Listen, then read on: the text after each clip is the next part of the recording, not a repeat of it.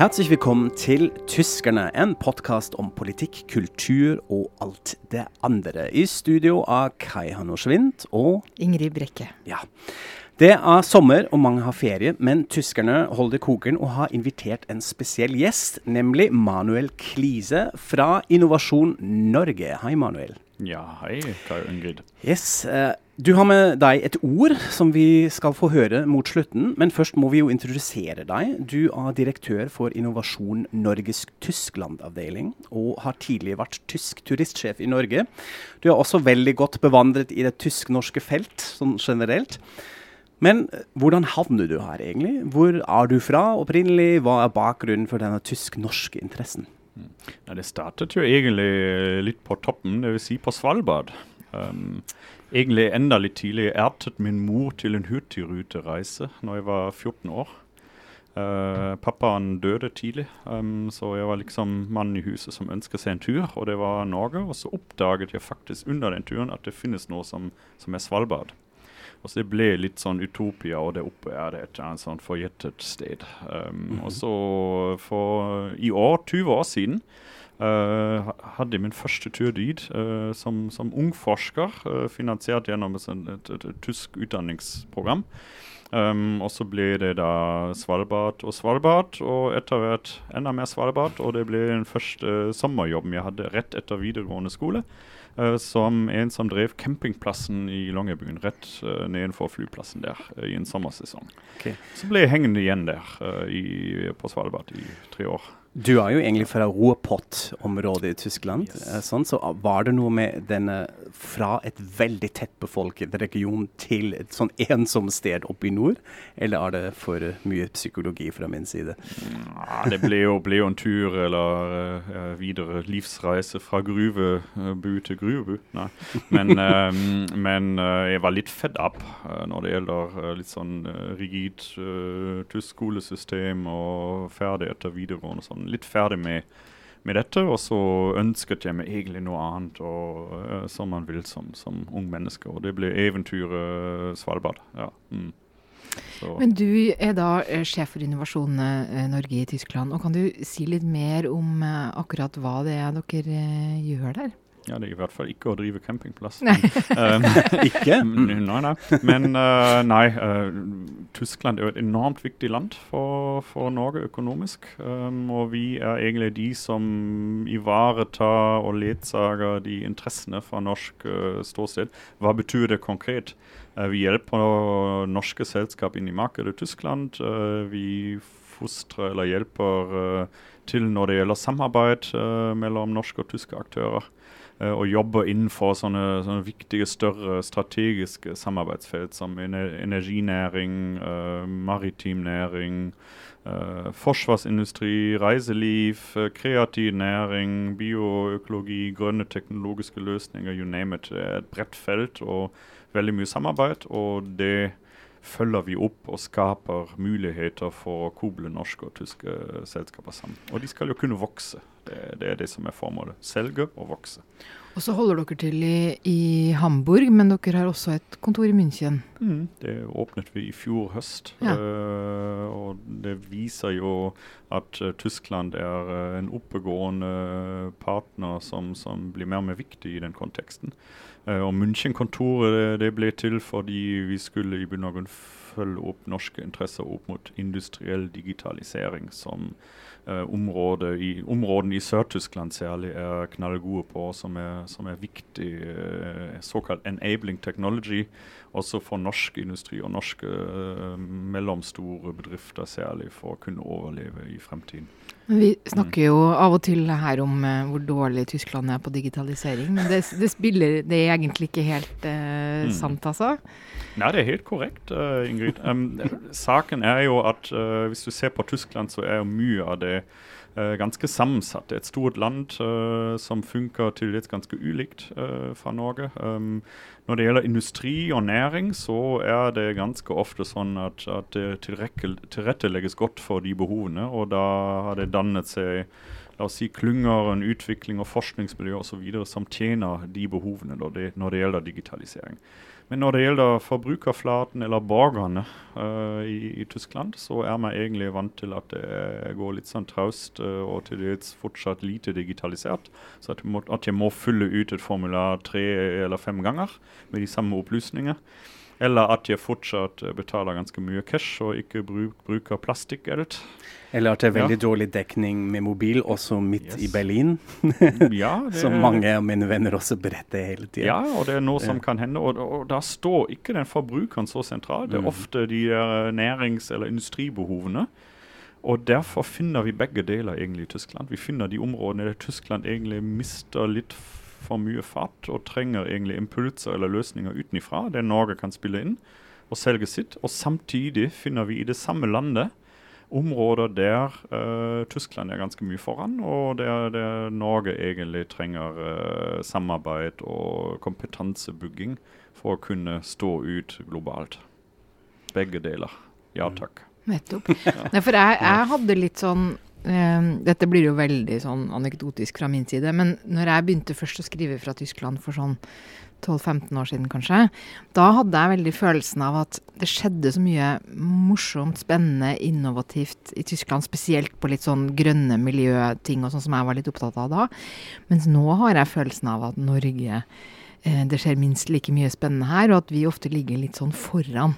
Mm. Men, men hva, hva, tenker du om det? Er, har, har liksom Norge hatt, en, hatt, noen sånne sprang eh, de siste årene, eller er dette mer en sånn at det går opp og ned, og det er som du sier, forskjell på område og område? Ja, Det er forskjell fra område til område, men Norge har jo en, en, en større fleksibilitet i både befolkning og hele væremåten uh, når det gjelder uh, å prøve ut ting, være pioner på noe, og forsøke å ta en sånn viss risiko. Um, Tyskland, I Tyskland går en del ting fortsatt i litt, uh, til dels litt uh, mer satte former. Jeg har også følelsen av at det, det har nådd et sånn metningspunkt. Det gikk veldig veldig langt uh, bra økonomisk nå, i mange, mye lengre tid enn man egentlig kunne forutsi. Og det må bli et sånn vendepunkt snart. Og når du, du, spiller inn det grønne elementet der, jeg tror det har en stor betydning i det som kommer til å skje utviklingsmessig i Tyskland. Politisk er, blir det viktigere. Eh, det blir mer og mer bevisst. Eh, og jeg tror tyskerne kan hente igjen Uh, litt av det terrenget der når, de, når, de, setter dette høyere på agendaen igjen, og mer fokus på det. ja. Så. Så har jeg nå nettopp lest en artikkel som sier det var i Spiegel, som sier Deutschland ist Innovationsweltmeister', altså innovasjonsverdensmester. Da er det dette et annet område det gjelder? Eller, fordi det, sier jo, det er liksom motsatt. At det at man ja, det, ja. ja, det er hva som er, som er så, så, spennende med det landet der. Uh, du kan ikke enkelt beskrive det. Det fins jo bare, bare hvert bondesland har sitt innovasjonsmiljø og egen forskningsfinansiering uh, og næringsfrem og sånn, så det fins jo det, det, Dette er jo ikke noe du kan enkelt besvare. Fordi uh, du har jo områder som er ekstremt globalt kompetitive, som er nøkkelindustrier, også på globalt nivå. Um, og forsknings- og utviklingsmiljøer som er veldig veldig frampå. Uh, de finnes også i det landet som er blitt uh, mer bekvemt og litt mer traust og har nådd et metningspunkt. Så det det er, et komplekst bilde i Tyskland. Jeg... Og vi må relatere oss egentlig til, til det meste av det for å gjøre jobben vår. Mm. Men det er vel også noe med at det, at det skjer ganske mye innovasjon i Tyskland i, innenfor de store konsernene. Og det er også litt sånn som kanskje er vanskeligere å måle enn disse hippe startupsene som bare kommer og er liksom nye, freshe firmaer. At det må mm. ha noe med det å gjøre. Ja, og det, det, forsøker jo de store å få til. Å inkorporere eller innhente den kunnskap som ligger i gründerbedrifter. Men ofte er det sånn kompleks store industribedrifter pluss et stort uh, universitet, og det har jo Tyskland mange, og mange gode av. Uh, spisskompetente. Um, og så uh, de spin-offs eller gründere som kommer ut, i, ut ifra det, og de samarbeider alle i alle retninger. Så det er spennende. Ja. Altså, en litt sånn annen, uh, annet tema som jeg også har tenkt på, en slags forskjell mellom uh, Tyskland og Norge, og det er forholdet mellom politikk og næringsliv. For min opplevelse er at i Tyskland så er det helt eh, legitimt og naturlig at politikere eh, promoterer regionalt næringsliv, eller at Angela Merkel har med seg konsernsjefene når hun reiser på tur i verden og sånn. Mens i Norge så har vi noe slags skott mellom politikk og næringsliv selv når det handler om statseide bedrifter, som ofte tyskerne ikke skjønner helt hvorfor, hvorfor vi har denne avstanden. Eh, og at det av og til skaper litt sånn eh, ja, kanskje ikke krøll, men eh, at man ikke er helt på samme bølgelengde her, da. Hva tenker du om det? Er det riktig sett? Det, det er nok en i hvert fall grove trekk riktig observasjon. det er litt mer avstand. det er enkelte sektorer i Norge som har den der nærheten. olje og gass har den, forsvar har den, maritim industri til en viss grad. Men det er også mye annen næring og ja, i Norge som ikke har den der nærheten. Og det er litt utfordrende til dels, fordi uh, den tyske siden på den andre siden de tenker jo ut ifra sitt eget ståsted og forventer egentlig at det er uh, en, en, god politisk oppslutning også rundt næringsfremme. Så Det er derfor vi, vi, må ha politisk besøk. Næringsministeren, eller vi hadde nå kronprinsen uh, i, uh, i, Berlin uh, for å promotere for grønne teknologiske løsninger fra Norge. Og Det var knallbra. Stor suksess. Kjempemye interesse fra tysk side. tysk industri banker på. Så det er sånn det må være. og da trenger vi også en god oppfølging fra, fra politisk hold i Norge. litt mer enn det vi kanskje har av og til. Mm. Så da har det også kanskje noe å gjøre med at man i Tyskland rett og slett oppdager Norge som et litt annerledes land, som er litt mer konkret, litt mer drivende og litt mindre sånn utopisk eventyrland hvor man drar på ferie og er på båten uh, langs vestkysten og koser seg. og Det er stille og rolig, det er mye natur, men at det er faktisk mye innovasjon her. og da trenger vi litt sånn signaleffekt til det? Er det ditt inntrykk òg? At man kjemper litt, kjemper litt, mot et sånn stereotyp av et litt sånn sakte, treig, litt sånn forslafende Norge? Nei, ikke nødvendigvis forslafende. Mm -hmm. nå, nå, må man jo si at den, det, det omdømmet eller det bildet tyskerne har uh, ofte fra Norge, det er jo en idealisering, en romantisering av et land. Litt utopia, litt uh, flottere, eller et eller annet sånn forjettet ved det som er, som, er, som er, veldig vakkert. Men det er jo positivt bilde. Det er noe som vi kan bygge på, anrike dette bildet med andre aspekt. Og det er akkurat det vi gjør. Mm -hmm. Skal ikke ødelegge dette bildet og si at nå er vi kun high-tech nation okay. og, og um, uh, nei. Norske roboter kommer til ja, også, ja, takk, ja mm. takk, begge deler her. Mm. Fordi det ene utelukker ikke det andre. Og det ser vi f.eks. når vi snakker med uh, investorer fra andre land. -hmm. Uh, det er en stor fordel å ha et attraktivt sånn, Å være en reiselivsdestinasjon òg. At dette er interessant og lekkert å komme til. Så det ene er egentlig godt for det andre, og for businessen er det alltid godt. Hvis det er noe flott å besøke, uh, og det, du har en sånn sideeffekt, så er det bare bra attpåtil. Så vil du si det hjelper at man har det imaget fra norsk side også, at Tyskland er kanskje mer skeptisk til andre land?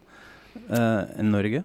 Ja, det, Hvis jeg ser på dagens Europa, og jeg kommer akkurat fra en møte med alle mine europakollegaer her uh, i Oslo um, Det er ikke så enkelt i en del retninger. Hvis jeg f.eks. tar, tar landet jeg har ansvar for, Tyskland, uh, så er det jo få land som, som tyskerne ser, ser, opp til per i dag i Europa. Det er vanskelig å si Polen har en, uh, en bra løsning som vi vil ha, eller vanskelig i hvert fall. Eller til og med Frankrike, da er det vanskelig. Og Sør-Europa uansett uh, ganske vanskelig å på en måte se opp til. Og det er jo litt, jeg vil ikke si en arroganse der, men det er jo noe Du, du, du sammenligner det ikke med, med, med, med, noen her eller her. Uh, det er få land tyskerne ser opp til, og det, det er særlig Nord-Europa. Jeg ser det litt mot Nederland. UK er også vanskelig. Ja, så, det, så, så, det, ligger jo i den situasjonen i Europa. Um, og uh, da spiller uh, Norge og, og Norden en, en, en, viktig rolle. Uh, mm -hmm. Man ser opp til det og, og er mottakelig for for noe som skjer, uh, skjer i Norden. Ja. Mm. Føler du at den type forhold mellom Norge og Tyskland påvirker litt hvordan man ser på EU i Norge? Man er jo veldig skeptisk fortsatt uh, mot EU. Kan det hjelpe at man får litt mer tillit der, eller har det egentlig ikke så mye med det å gjøre? Jeg tror den er litt EU og Tyskland og Norge eh, Jeg vet ikke om det snakkes egentlig så mye om det. Eh, det er et veldig veldig godt bilateralt forhold. Mhm. Enormt bra. Um, uh, men det, det, det, er slik at um, det, man snakker om, om, om, dette, det bilaterale. Uh, og så Samtidig ser jeg jo f.eks. Tyskland hvor uh, compliant Norge egentlig er når det gjelder EU-regelverk. og sånn, mm -hmm. Så det, egentlig er man jo ofte med uten å være med. Ja. og mye mer med enn andre som er medlemmer. Så det så man har funnet en løsning? Det er ikke at det er den store elefanten i rommet som Nei, ingen tør å snakke om? Ja. jeg opplever det ikke. I, okay. Nå er jeg ikke så mye med i politiske samtaler, nei. Men, uh, mm. uh, men så, også sånn i næringssammenheng og sånn er det egentlig uh, sjelden et tema, egentlig. Mm. Men hvis vi ser på dette bilaterale, bilaterale forholdet og trekker det opp fra det liksom store til det helt lille, da. Når, når, konkrete tyskere og konkrete nordmenn møtes for å ha forretningssamtaler, så har man en slags forestilling om denne veldig formelle tyskeren og uformelle nordmannen. Og så kan det kanskje bli litt eh, krøll eller misforståelser eh, i sånn stil og holdning. Hvordan, hvordan opplever du dette? Jeg, jeg har jo uh, faktisk faktisk mer eller mindre funnet opp et nytt uh, nøyes vårt, et nytt ord. Ja. Uh, på norsk som heter full slipsforvirring. um, og det, det, er noe som, som, som, stammer fra den der hverdagen uh, når norske og tyske kontakter møtes. Før var jo tyskerne veldig rigide, og, og det fantes det der, den regelen når du møter business, så har du slips på, og da er du litt mer formell. Og så mykner tyskerne opp Eh, det der. Uh, kommer uten slips. Men så har nordmenn fortsatt en sånn forventning. Og nå kommer vi jo til Tyskland. Uh, da må vi være litt mer formelle og ha slips på. Så kommer tyskerne uten slips og mer uformelle, er mer uformelle, og uh, nordmennene med. Og, og, så er det litt sånn en, en ja, omvendt verden, egentlig.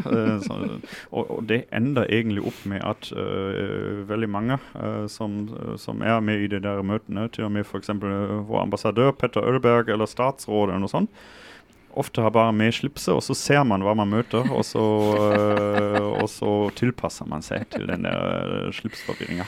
Så alle går rundt med slips i lomma og skotter ja, på hverandre og lurer på vi skal, hvordan vi skal gjøre det i dag? Eller har den på og tar den av, ja. når, når, flertallet ikke har den med og sånn, så dette er ganske morsomt. Når man har flere slips i lommene, da blir det kanskje litt uh, problematisk. Da må vi roe oss litt ned.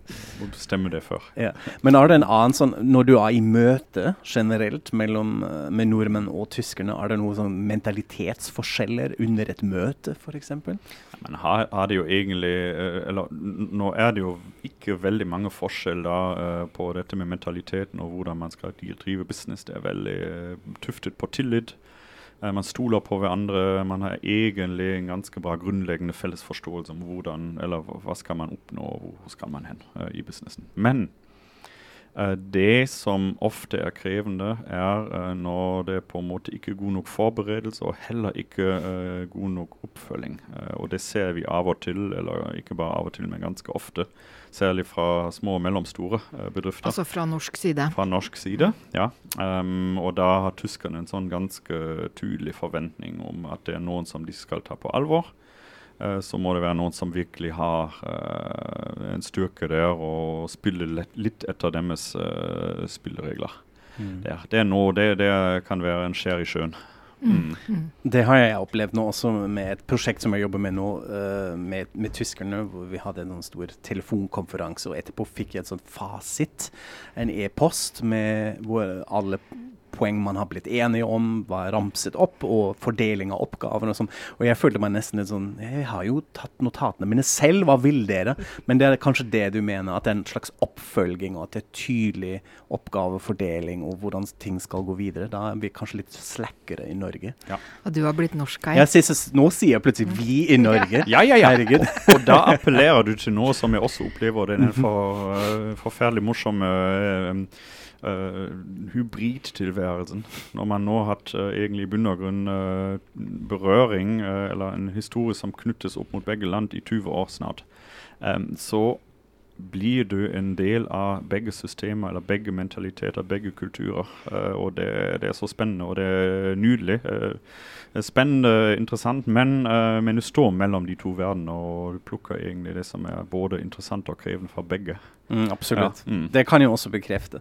Så har man en annen ting som jeg fortsatt syns er veldig interessant å observere. og Det er dette med work-life balance i Tyskland og i Norge. Det er en ting som jeg måtte venne meg til i begynnelsen, eller som jeg fortsatt ikke er helt vant til. At man hvis du jobber litt for mye her, litt for lengre og sitter da, og det er klokka seks, og du sitter fortsatt da, eller du jobber kanskje kommer inn på en lørdag, da vil jeg si tror nordmenn at det er noe galt med deg. Altså Da er det et eller annet som ikke stemmer. Mens i Tyskland, det er veldig klisjé og stereotyp nå, føler jeg at man, det er bra innsats. Det er fint, det er det man forventer. Mens jeg føler at her er fortsatt litt mer vekt på privatlivet, familieliv. Uh, påvirker det deg òg i den konteksten, eller spiller det ikke så stor rolle? Nei, det påvirker ikke. Nå, nå, er jeg jo veldig glad for å jobbe for uh, et norsk særlovsselskap.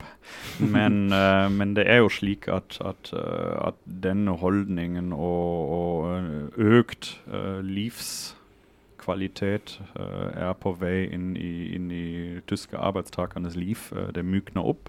Og det er også noe som, man, som et område der man ser mot uh, bl.a. Norge.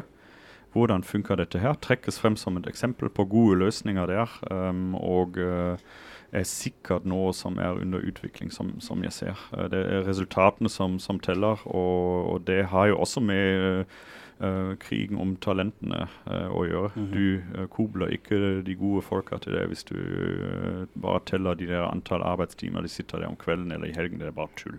Og det innser også tyskerne og tysk, tysknæring i økende grad. Mm. Ja. Ja. Mm. Spennende. Det skal vi følge litt mer videre med våre case-studier, som vi, vi alle er, har dette. Vi må straks runde av, men før må vi jo snakke om ord. Vi har jo bedt deg om å ta med ett, eller kanskje flere, ord som du syns er pussig eller spesielt eller interessant. Uh, og nå er vi veldig spente. Hva har du med deg? Jeg syntes den var litt vanskelig, den der. Mm -hmm. så jeg fant jo flere. Men uh, jeg har jo startet i nord. Og da sier man ganske ofte Man sier jo veldig mye i nord, da. Men uh, jeg kommer ikke uh, inn i detaljer der. Men, uh, men man har brukt noe som, bruker noe som heter merkelig. Da, det var noe merkelig.